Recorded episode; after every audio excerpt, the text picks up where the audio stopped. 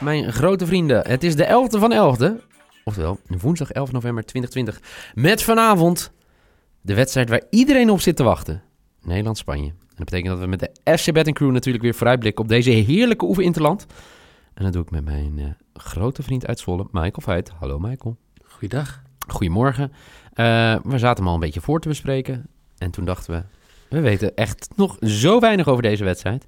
Maar desondanks gaan we toch onze lieve vrienden, onze lieve luisteraars proberen wat mee te geven over deze wedstrijd. Uh, een oefenwedstrijd. Nederland speelt hierna nog twee wedstrijden voor de Nations League.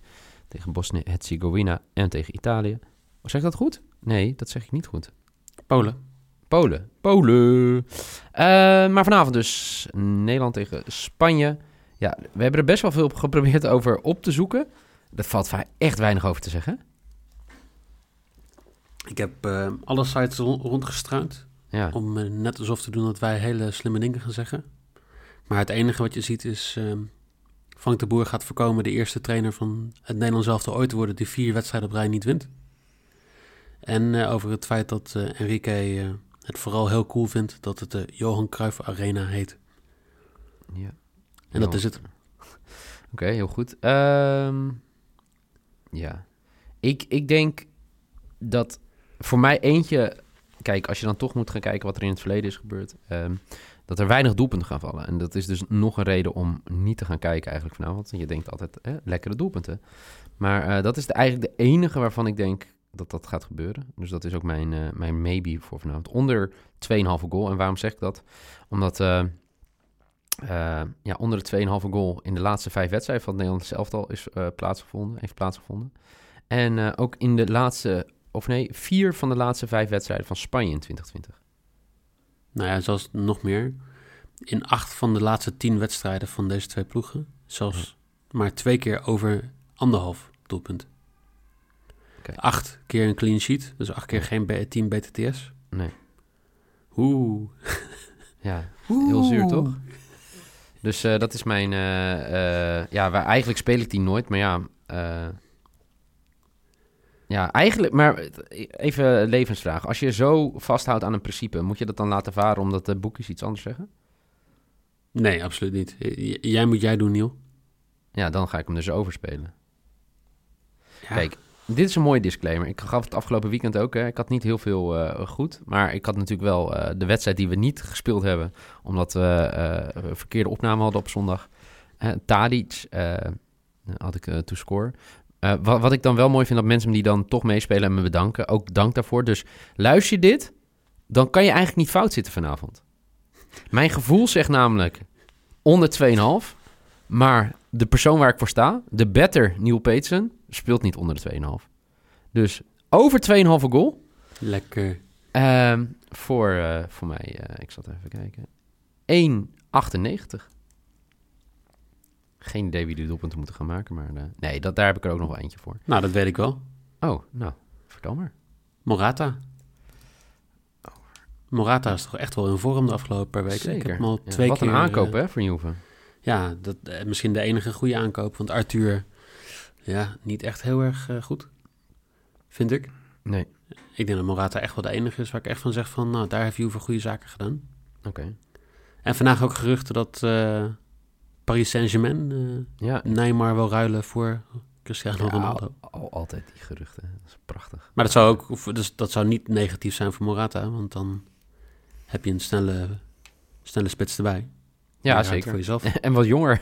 vooral. En wat jonger, inderdaad, ja. Maar, um, oké, okay, Morata is jouw uh, Morata te score. Dan, uh, uh, dat is jouw risk, toch? Ja. Oké, okay, nou, ik doe de, de tegenhanger van Morata. Um, en dan weet je al wie ik ga spelen, toch? Wie, Memphis erbij? Ja.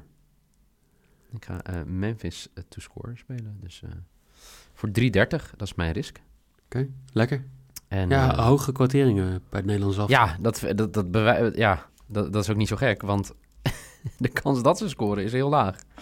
Kijk maar naar de voorgaande wedstrijden. Maar laten we hopen op een doelpuntenspektakel. Marco Bizot maakt zijn, uh, zijn uh, debuut in het Nederlands elftal vandaag onder de lat. Tim Krul keept de andere twee wedstrijden. Wil je nou meer hierover horen? Je weet wat je moet doen, hè?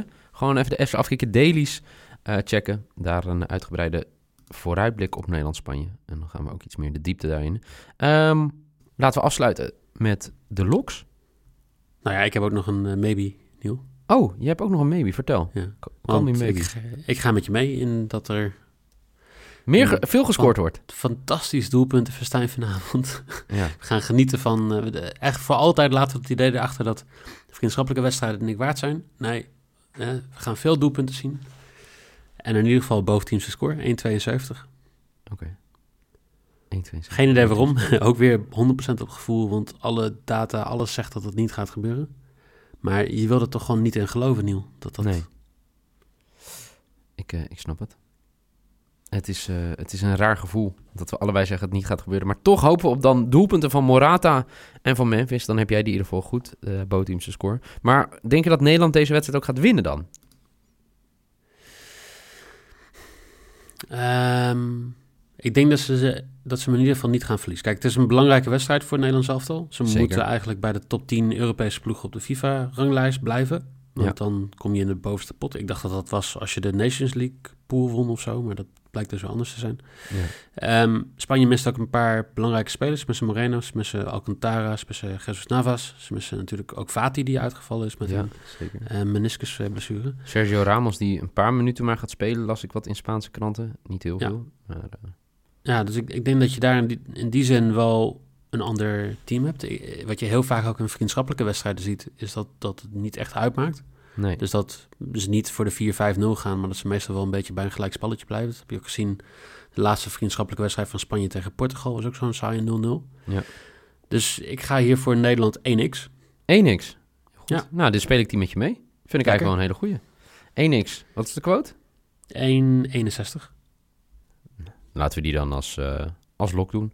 Voor de mensen die uh, denken, wat zijn nou de bets? Michael Selok, 1x. Nederland verliest niet. Maybe is bootteamse scoort 10 BTTS. Gewoon weer springlevend in deze podcast. En de risk Morata te scoren voor Spanje. Mijn lok speel ik gewoon mee met Michael. 1x, Nederland verliest niet. Maybe, u, ja, u hoort het goed. Over 2,5 doelpunt vanavond in de Johan Cruijff Arena. En Memphis gaat scoren voor Oranje voor 3,30 als mijn risk. Dit was alweer de SC Betting podcast van uh, woensdag 11 november 2020. Wellicht later vandaag nog meer. Maar dat weet Michael helemaal niet. Maar ik heb een ideetje.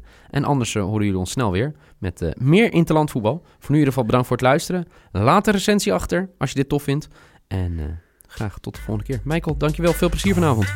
Jij ook. Yo.